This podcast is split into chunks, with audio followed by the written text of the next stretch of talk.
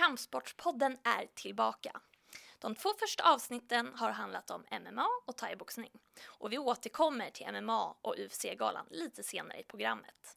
Men först, idag gästas vi av en historisk färsk EM-guldmedaljör i kukushin, Sara Hägge. Hon är dessutom, som en av väldigt få europeer, uttagen till VM i Kazakstan senare i juli. Range och Broberg har träffat henne.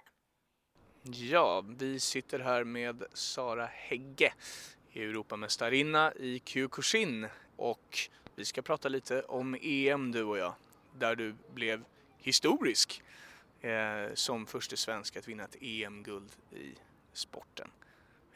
Kan du berätta lite grann om, om EM-äventyret? Ja men absolut. Eh, det, var, alltså det var ju himla kul. Alltså hela Dels så var det ju i Roskilde i Danmark så vi hade en jättestor svensk trupp som åkte med. Vi eh, var fler som tävlade än vad vi någonsin har varit innan. Eh, både i senior och juniordelen. Och sen så var det jättemånga supporter som var med. Och eh, jag hade ju lite flyt med lottningen i och med att jag tog brons förra året så var jag sidad i första omgången. Och sen men sen så var det ju ändå en, en lottning hela vägen fram till finalen så mina förhoppningar innan tävlingen var ju att ja men jag ska nog komma på pallen i alla fall. Men eh, hela vägen till final, det var ju ett, eh, ett drömmål jag hade. Men att jag sen skulle ta guld, det, eh, det hade jag nog liksom inte ens eh, Alltså det har alltid varit drömmen att ta ett EM-guld men att det faktiskt skulle bli ett, det kändes, eh, det känns nästan fortfarande lite overkligt den här finalen blev ju en, en rysare av eh, rang. Kan du berätta lite grann om, om, om matchen som sådan? Ja, nej men det var en eh, tjej från Litauen som hette Monica med ett efternamn som jag inte kan uttala, tyvärr. Eh, nej men hon, hon kom ju upp som, Litauen har alltid varit en väldigt stark nation inom Kyokushin och hon kom upp som ett ganska okänt namn efter att ha vunnit litauiska mästerskapen och eh, överraskade nog när hon eh, slog ut eh, Agata Winiarska från Polen redan i första omgången. Så jag var lite, jag visste inte riktigt vad det var jag skulle gå upp och möta. Men jag hade tittat på henne innan och hon har en väldigt intensiv stil och hon, eh, hon slår hela, hela, hela tiden. Hon ger sig aldrig. Och eh, min uppladdning i våras var lite den var inte riktigt så som jag hade tänkt att den skulle vara. Jag var lite sjuk och det, så jag var lite så här, jag vågar inte lita på att jag har kondition nog att möta det här hårda, hårda tempot. Utan jag får försöka gå in och möta och försvara och eh, försöka förstöra hennes fighting. Eh, och i första ronden så fick hon två flaggor från domarna. Det är ju fem domare, fyra på varje sida och sen i mitten. Eh, och fick en förlängning. Och jag börjar någonstans lyckas jag kunna börja bryta hennes eh, långa slagserier och eh, till slut börja röra mig lite i sidan, bryta upp det, försöka hitta luckor. Eh, jag gör ju mina rullsparkar som, som jag tycker, som jag gillar, det är som att man bara gör en kullerbytta och slänger upp benet, försöker knocka henne med det. Några gånger lyckas jag dra med henne ner på mattan. Men det räckte inte utan det blev, det blev lika en gång till och sen inför sista ronden så är vi fortfarande lika och då går det till vågen. Eh, vi har ganska stora viktklasser så det ska skilja en 8 kilo eh, för att det ska avgöras till den som är lättare. Och, ehm, eh, och då, då var jag riktigt nervös för jag trodde någonstans att, eh, att det skulle kanske kunna avgöras till hennes fördel då. Så jag var sjukt lättad när jag fick två minuter till på mig då att, eh, att avgöra och hon fortsätter köra sina långa slagserier och till slut så, så missar hon ju liksom att slå mig i ansiktet och det får man inte göra. Eh, domaren bryter. Eh, jag hinner kolla på klockan och så säger jag okej okay, men nu är det 20 sekunder kvar, nu är det liksom bara att köra. Så jag, jag försöker fortsätta att mata slag, flytta mig i sidan och eh, sen så är tiden ute, vi ställer upp och eh, jag är någonstans här, ja nu, nu kan det hända vad som helst. Och så eh, drog de för, för mig då och det var, det var så himla häftigt. Hela arenan bara reser sig upp och jag bara går av mattan och börjar tjuta typ. ja men det, det, blev, det blev en jätteintensiv match och jag fick, eh, jag fick domarnas spiritpris baserat på bara den matchen tror jag. Att jag liksom vände från lite underläge, lika och sen ta det då. Patricia Axling när vi i podden pratade med henne förra gången beskrev hon eh, ett mästerskap som totalt kaos ungefär. Hur är mästerskapen i Kyokushin? Är det totalt kaos det också eller? Nej, alltså jag lyssnade ju på det, på det avsnittet och jämfört med Patricias eh, erfarenhet så är vårat väldigt organiserat. Eh, och det har, de, har blivit, eh, de har blivit bättre och bättre på det så vi har ju invägning två dagar innan och sen är vi invägda och så är vi klara och sen så kommer lottningen dagen innan. Eh, och så är det som bara flyta med. Så nej, det är väldigt bra uppstyrt att veta exakt eh, när man ska vara och på vilken matta man ska vara. Eh, det som var svårt den här gången det var väl liksom att vi var vi var väldigt många svenskar och eh, väldigt få coacher. Så ibland var det ju flera svenskar på matcher, alltså på mattor samtidigt. Men eh, då har jag ju min coach som jag är väldigt tacksam, som jag drar med mig. Nu får du komma här. Så. Nej men det, det är väl organiserat. Hur mycket tränar man? Eller hur mycket tränar du inför ett sånt här mästerskap? Rätt mycket. Eh, nej men det blir ju eh, Förut så var jag väldigt fokuserad på att träna mycket och då var det ofta två pass om dagen. Men jag får inte riktigt ihop det med, med att jobba samtidigt och alltså två tuffa pass om dagen utan det håller inte kroppen. Så nu har jag gått ner till att köra kanske mer eh, ett, eh, ett pass om dagen och så liksom köra det med väldigt hög kvalitet och kanske inte samma intensitet på varje pass utan jag kör mina eh, mina intervaller och så eh, sparringpassen som är mer högintensiva och sen eh, lägger mycket tid på de som är mer lågintensiva då man kör mer teknik. Men ungefär ett pass om dagen blir det nog nu. Vilka länder skulle du säga generellt sett är de tuffaste länderna på ett Europamästerskap? Eh, Litauen. Eh, Litauen står nästan alltid högst upp på, på pallen när det är Europamästerskap. Eh, sen eh, Polen brukar vara bra och sen i min viktklass så har vi ju haft en Europamästare och en världsmästare från, eh, från Ungern som har dominerat länge. Men eh, nu är hon på paus. Så, men Litauen absolut. Hörni, eh, det väntar ju VM då för Sara i och med den här triumfen. Men innan vi går in på VM så det kanske är lika bra att alla som lyssnar har klart för sig vad handlar sporten om? Vad, vad är det som gäller? Eh, Kyokushin är en karatestil och det är fullkontakt. Eh, det är stående fighting och man kör eh, slag mot hela kroppen eh, förutom mot huvudet. Och så kör vi sparkar mot hela kroppen inklusive huvudet då. Eh, matcherna är tre minuter första ronden. Eh, och det som bedöms då det är ju skada, det är knockdown eh, som, eh, för det första som gäller. Eh, och sen bedöms man på eh, ja, eh, bra träffar, skada, aktivitet. Eh, det kan bli upp mot nio minuters fight eh, med förlängningar och allting. Men eh, mm. Jag såg ju din fight mot eh, fransyskan i EM på nätet och slogs då av det ser väldigt, väldigt jobbigt ut. Man undrar ju också hur ont har man efter en match och tänker även, det kan inte vara så himla lätt att vara domare och se vad som är vad i det här för en som inte har ett vant öga. Vad, vad, vad säger du om de där tre grejerna? Ja, alltså jobbigt är det ju absolut. Du står och slår på någon eh, i princip allt vad du har i eh, tre minuter, kanske nio minuter om du har otur och det är samtidigt någon som slår allt vad du har på dig. Så det är, ja, fysiskt, absolut. Eh, under match så tycker jag inte att man, man har liksom ingen tid att känna efter utan det blir liksom mer eh, man bara kör och så går man av mattan och eh, kanske märker när man blir kall att man har någon någon skada eller att någonting, någonting gör lite ont. Men eh, nej, alltså jag tycker att har man kört på ett tag så det gör, det gör liksom inte lika ont längre. Första gången man får eh, en riktig smäll så blir man ju chockad men sen, sen vänjer sig kroppen vid det och så tar man det. Och vad var din sista fråga? Ja, det var ju om domarna. I många kampsporter så ser man ju allt för ofta att domarna är oeniga till exempel. Mm. Jag säger inte att de har mm. dömt fel för det, det vore ju förmätet men, men de är oeniga på ett konstigt sätt då. Hur är det i din sport? Ja men det händer ju absolut att domarna är oeniga.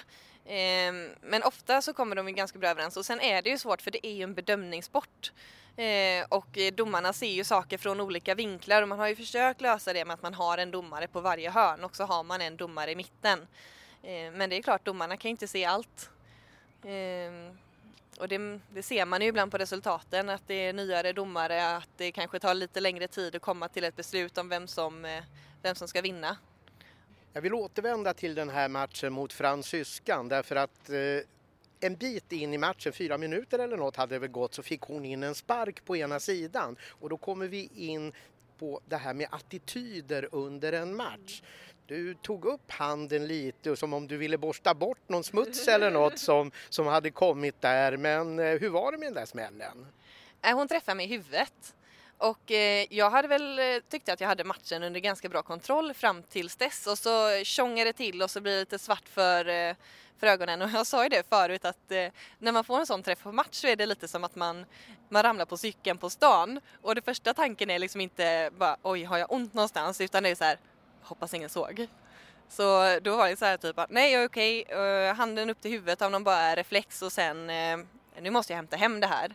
Och då blir att man, eller jag taggar till snarare och bara nu får jag, nu får jag skärpa mig och köra på. Men attityd och hur man ser på sin motståndare under en match, vad, vad, vad betyder sånt? Jättemycket. Alltså det, det värsta man kan göra det är ju att gå in och underskatta den man ska möta.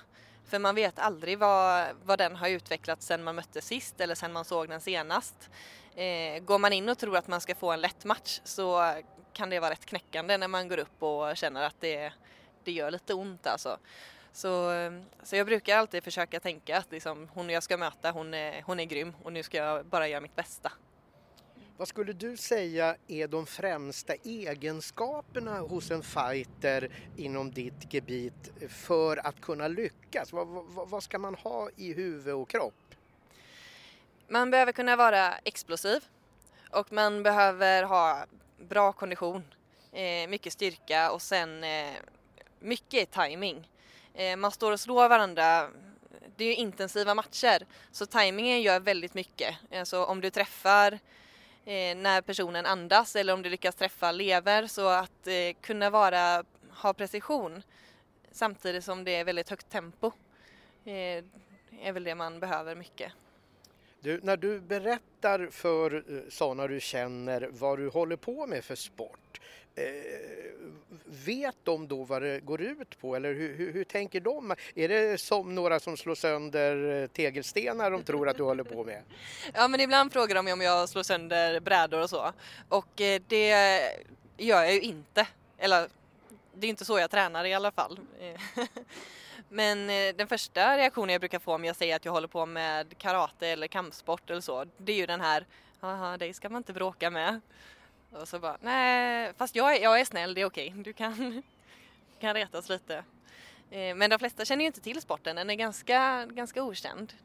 Eh, så. Karate har ju de flesta sett och då brukar det bli någon referens till Karate Kid-filmerna eller någonting. Eh, men tranan är väl kanske inte den bästa positionen vi har att fightas ifrån. Men det är inte så himla välkänt sa du. Hur kom du i kontakt med den här sporten då här i, i, i Västsverige? Ja, det är en ganska kul historia. Min, eh, min pappa började träna Kyokushin i Göteborg på 80-talet. Eh, och sen så Sen fick de ju barn och sånt där eh, jobbigt. Men min brorsa han var väldigt så här, intresserad av, eh, av kampsport och frågade när han var liten så här, pappa vad tränade du när du var, när du var liten? Och så sa pappa det, nej men jag, jag, tränade, jag tränade karate. Och min lillebror han bara, åh det vill jag också göra. Så min lillebror han tränade ju, började träna direkt när han var sju eller åtta år. Och jag tyckte att det såg eh, jätteläskigt ut. Jag höll på med gymnastik. Och eh, i dojon så får man inte framsa, man får inte skratta och man får göra armhävningar och man gäspar och jag kände liksom att ja men det där eh, det där klarar ju inte jag. Det där är jättekonstigt. Jag kan inte vara 60 eller 90 minuter stilla utan att titta på något bus. Ehm, så jag höll mig till gymnastik. Men eh, sen så blev eh, farsan sugen på att ta upp det igen så han började träna igen och då började mamma träna igen. Och eh, till slut så, ja, jag kanske ska prova på det där så jag anmälde mig till en nybörjarkurs och tyckte att det var ju det absolut roligaste jag gjort i hela mitt liv och sen så gick jag liksom in med inställningen att nej men jag, jag ska bara träna för att det är kul. Jag var trött på att tävla för jag har tävlat i gymnastiken och tyckte inte om eh, klimatet där. Så min inställning var så här, nej men jag ska, jag skiter i att tävla. Och sen så blev jag 17 och så frågade våran huvudinstruktör Sian Collins, du Sara, ska inte du vara med på juniorriksmästerskapet nu i höst? Ja, absolut. Och det, det bara svarar jag på utan att tänka. Så då var det liksom bara in i dojon, träna, köra sparringpassen, gå upp och, och ställa sig på mattan och det, ja, det var skitkul alltså. Och på den vägen är det och då fick jag väl en knäpp och bara, nej men nu ska jag väl bli bäst i världen på det här då. Intressant det där med världsmästerskapet och apropå historiskt då Sara, så nu är det ju chans att bli ändå mer historisk. Eh, VM-uttagen, Kazakstan i juli. Vad är känslan inför det VMet? Nervöst och eh, jätte, jättekul. Det, att komma med till eh, World Cup det är ju det är ganska stort i sig. Det är bara tre stycken från eh, hela Europa som, som kommer med så det känns ju skitstort. Men sen vill man ju prestera så bra som möjligt och det har varit en svensk med i World Cup innan, Maria Stensson. Och hon kommer från min klubb och hon tog sig hela vägen till silver så jag tänker ändå att ja, det ska nog, det ska nog gå att komma en liten bit i alla fall. Mm. Men alltså, vad gör ni på er klubb egentligen då? Om man säger så. Jag menar, eh, eh, Stensson och så du och sen så, alltså det är ju många därifrån. Vad gör ni egentligen? Dricker kaffe, käkar bananer. Nej vi, vi har väl bra stämning på klubben tycker jag. Det är, vi tar hand om varandra. Det blir bra klimat och sen eh, Göteborg är bra kampsportstad överlag. Vi finns, eh, det finns många klubbar och nu på senaste tiden så har vi liksom börjat samarbeta mellan klubbarna också så då eh, får man ju möjlighet att liksom träna med alla stjärnor i Göteborg som Jimmy Collins som har varit stor inom Kyokushin länge och ja, ju, fler, ju fler man blir desto bättre. Man behöver bra sparringpartners. Du, eh, tillbaka till VM då. Hur ser det ut kontra ett EM? Vilka nationer tillkommer och vilka är, är de som som är störst i världen så att säga? Ja, då får vi Japan.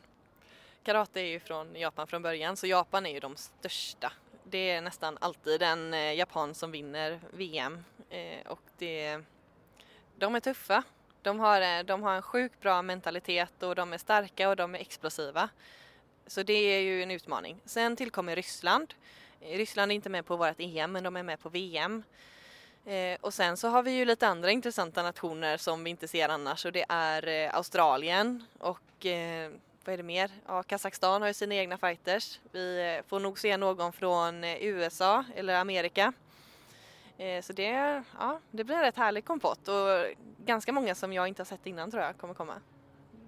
Men du, du sa tre europeer är uttagna till EM. Alltså det är ju en rätt snaskig skara att vara med i. Ja. Jo men det kan man ju säga. Eh, nu är det ju VM i viktklasser som gäller och då är, då är det världsdels eh, representerat jämfört med VM som går i öppen viktklass som är eh, nationsrepresenterat. Så eh, ja, Europa har tre platser i, eh, i damernas tungvikt och sex, eller ja, i alla damklasser så är det tre platser på, baserat på hela Europa. Så jag fick ju den här platsen i och med att jag tog EM-guldet då. Och sen har herrarna sex platser, de är några fler.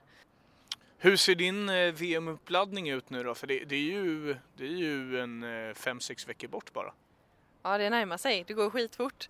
Men den eh, grundträningen är ju gjord redan så nu försöker jag bara behålla formen som jag har kvar från EM och eh, sen toppa till konditionen lite extra och eh, finslipa lite detaljer, eh, pilla lite på teknikerna och sen är det väldigt mycket mentalt. Nästan mest mental uppladdning skulle jag nog vilja säga. Det, det är stort. Och eh, du har ju sagt det förut också att eh, eh VM eh, blir naturligtvis en, en, en, jätte, en jättesak att bara vara med på men vad, vad, har, du, har du tittat lite grann på personlig målsättning och så? Alltså jag vill ju vinna. Det, det måste jag kunna säga att det är ju absolut målet. Sen beror det ju, allt, allt kan hända. Det kan komma en spark, man eh, vet inte riktigt vem man, vem man möter. Men ett mål är absolut att komma på pallen. Det jobbar jag mot.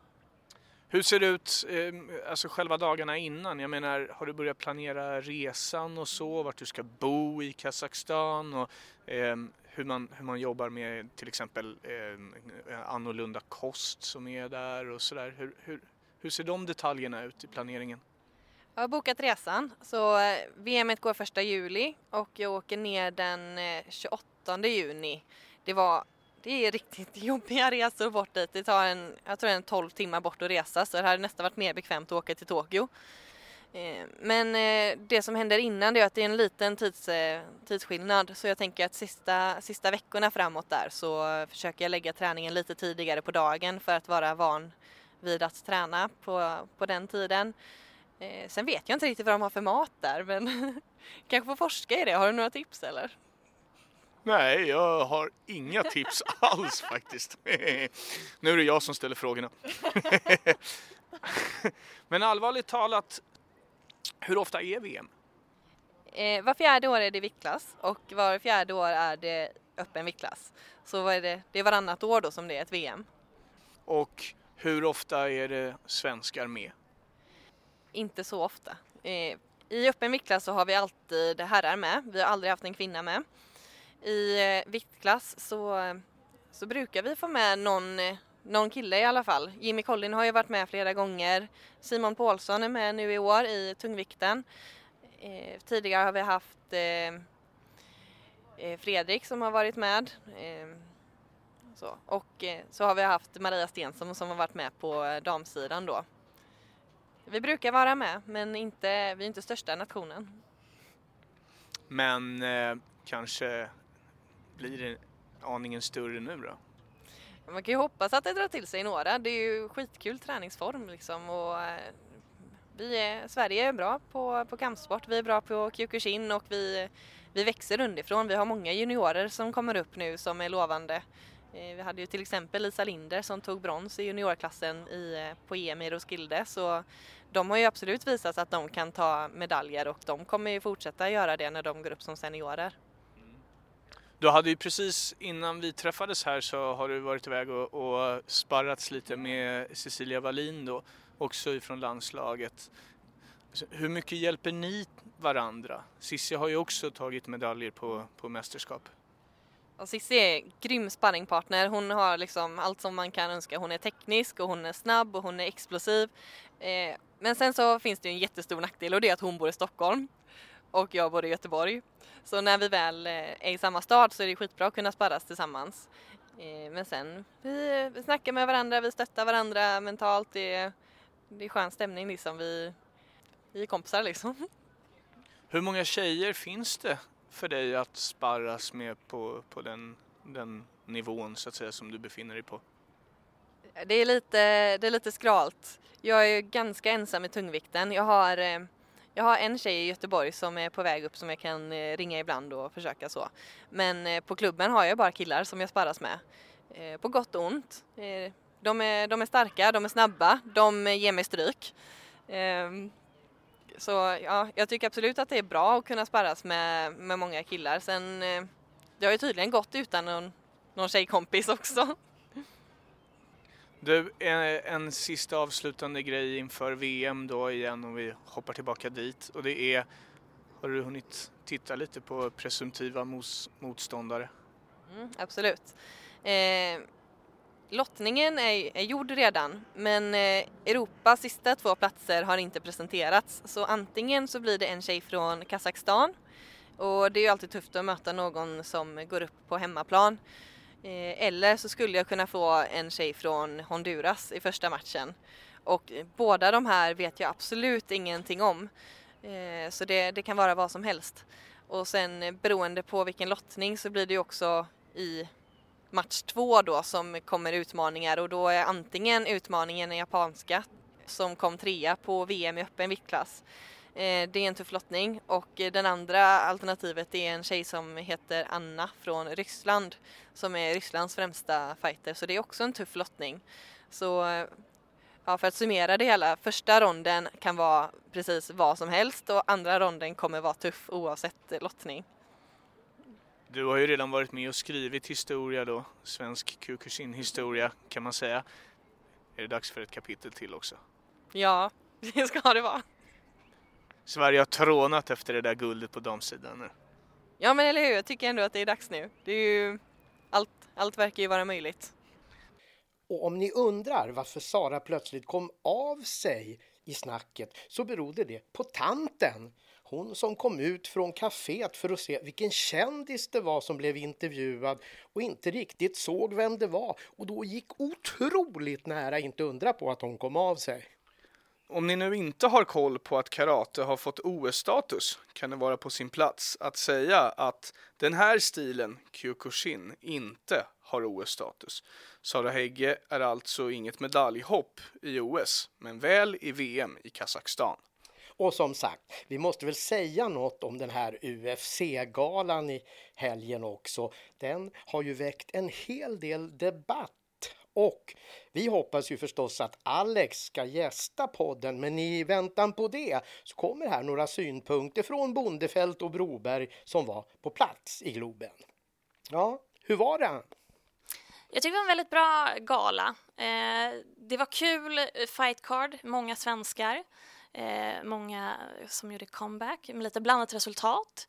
Eh, men det var en rolig inramning. Eh, det var fullsatt eh, i Globen. Och eh, ja, det kunde varit lite mer, lite mer tryck i publiken.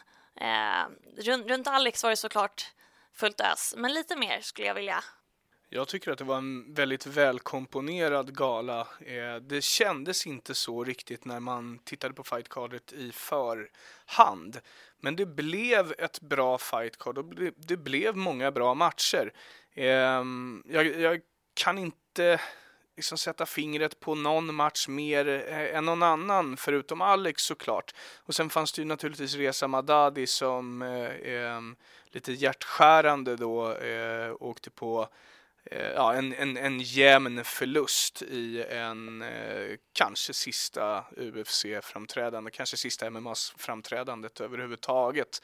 Och det, det, det skär ju hjärtat. Niko Musokes eh, förlust skär också lite extra i hjärtat. Ja, huvudmatchen då? Mauler, take Seira. hur var det?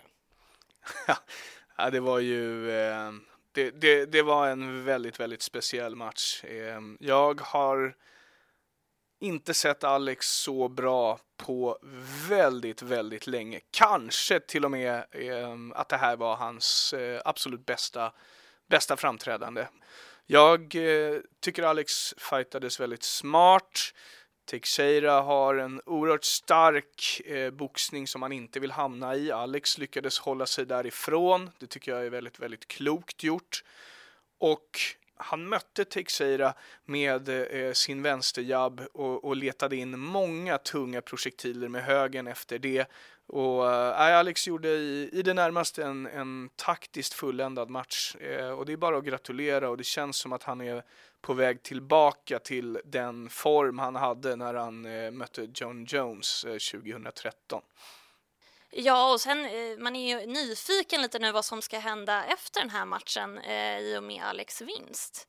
Eh, han har ju eh, erbjudit sig att ersätta eh, John Jones eller Cormier om någon av dem skulle bli skadade inför deras fight den 29 juli.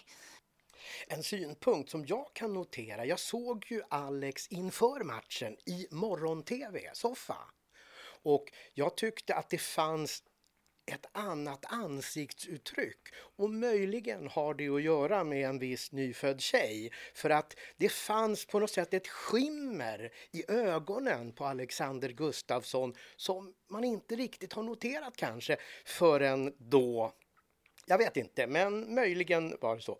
Eh, huvudfighten har vi ju nu snackat om, men eh, någon annan match då som fastnade på näthinnan? Ja, jag tycker att vi måste nämna Oliver Enkamps debut. Eh, han tog ju matchen med bara ungefär tre veckors eh, tid att förbereda sig.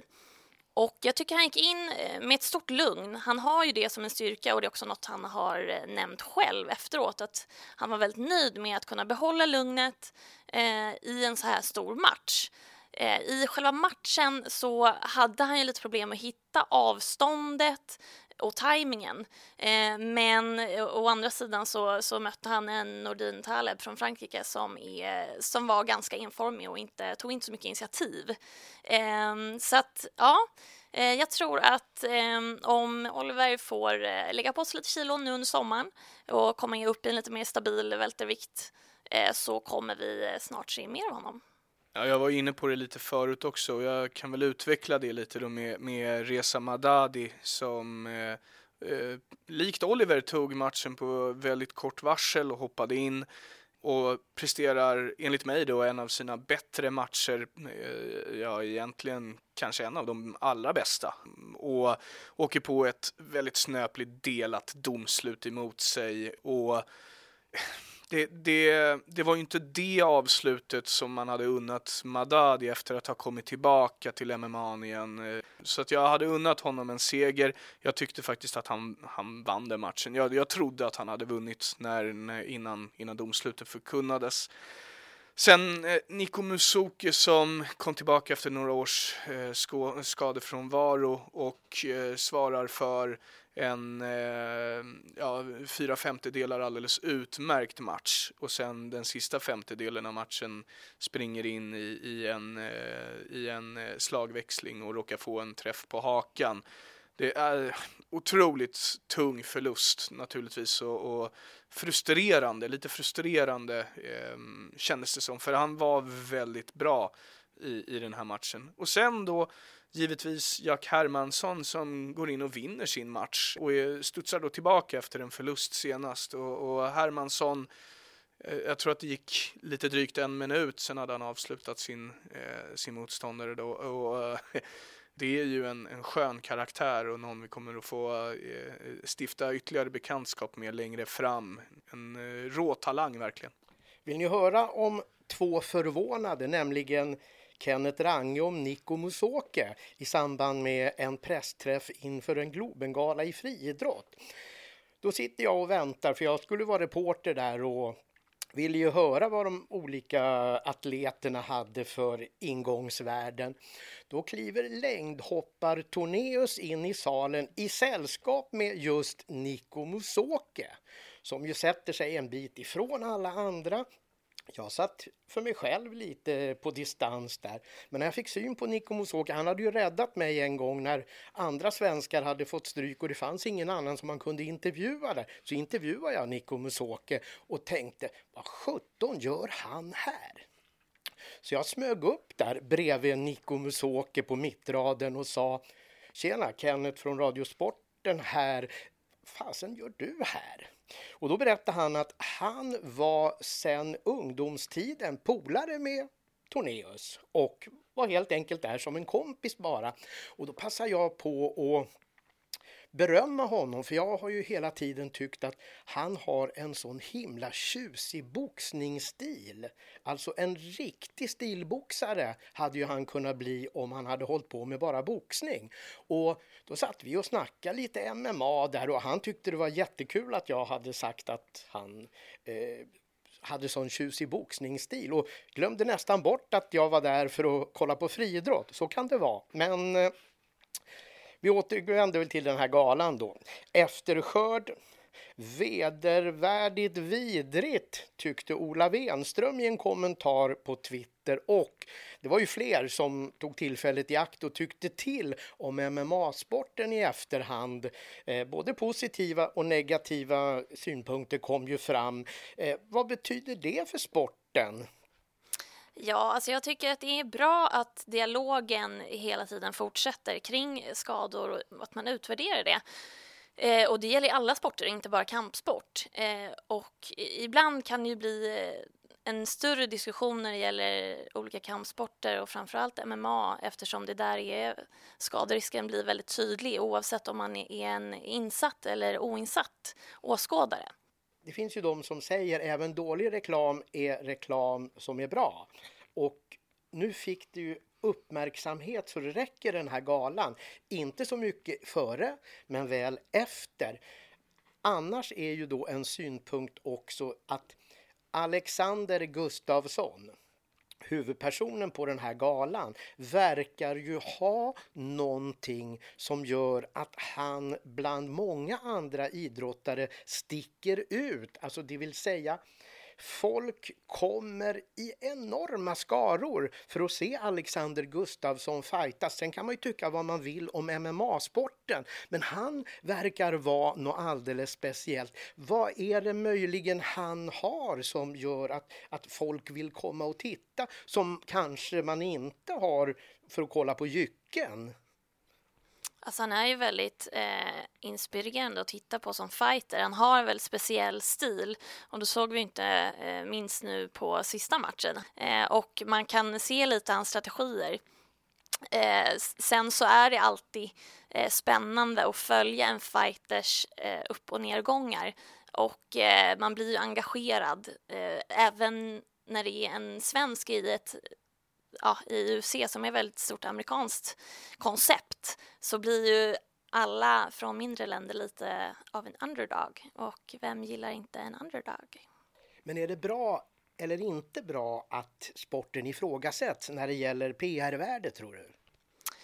Eh, jag tycker alltid någonting man ska, man ska diskutera. Eh, men eh, jag tycker att det får inte bli så att man kommer för långt bort från själva idrotten.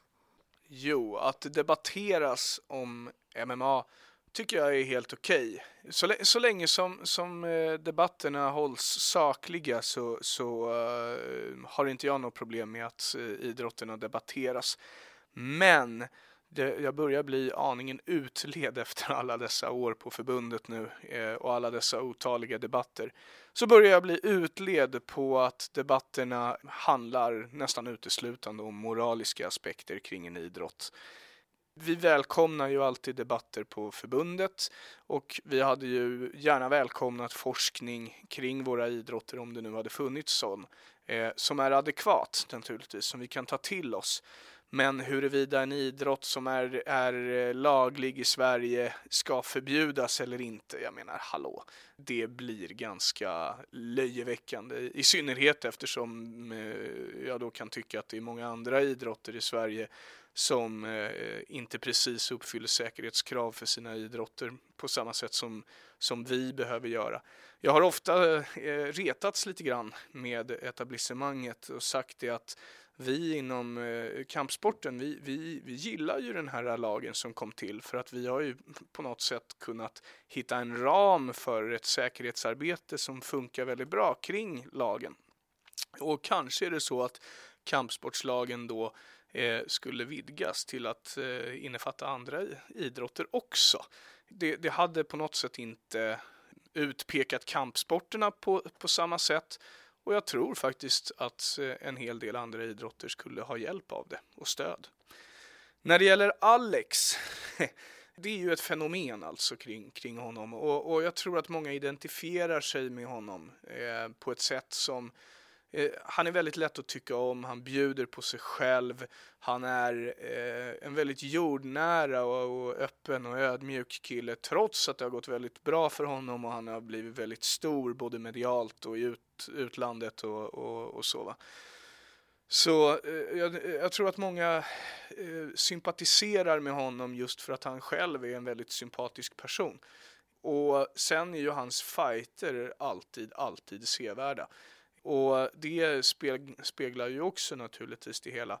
Men sen är det ju också sådana här saker som vi såg det nu på eh, UFC-galan i Globen här att eh, han eh, går en tuff match i, i fem nästan eh, svåra ronder och eh, avslutar då Teixeira och en halvannan minut senare går han ner på knä inför sin Moa inför hela Globen och det var ju på något sätt ett ett avslut som var otroligt vackert regisserat och det är, det är, ett, eh, det är ett ögonblick som, är, som var vackert att få. Som eh, en PR-chef skulle ha sagt, det är så en slipsten ska dras. Avslutningsvis på den här debatten så var det ju en av kvällstidningarna som hade gjort en undersökning och med reservation då för dessa undersökningar som ju inte alltid eh, visar resultat som är bärigt, det vet vi ju kring alla val och så. Men 45 procent av tillfrågade sa att de gillade MM eller inte gillade MMA medan 44 procent sa att de gillar MMA då kan man ju i och för sig tänka sig att de som gillar MMA är mer engagerade kring den frågan än de som inte är. Men inte desto mindre så visar ju det här det vi har talat om bland annat med Bea Malek i det förra avsnittet av podden, nämligen att MMA-sporten är på frammarsch, inte bara ute i världen utan även här hemma i Sverige.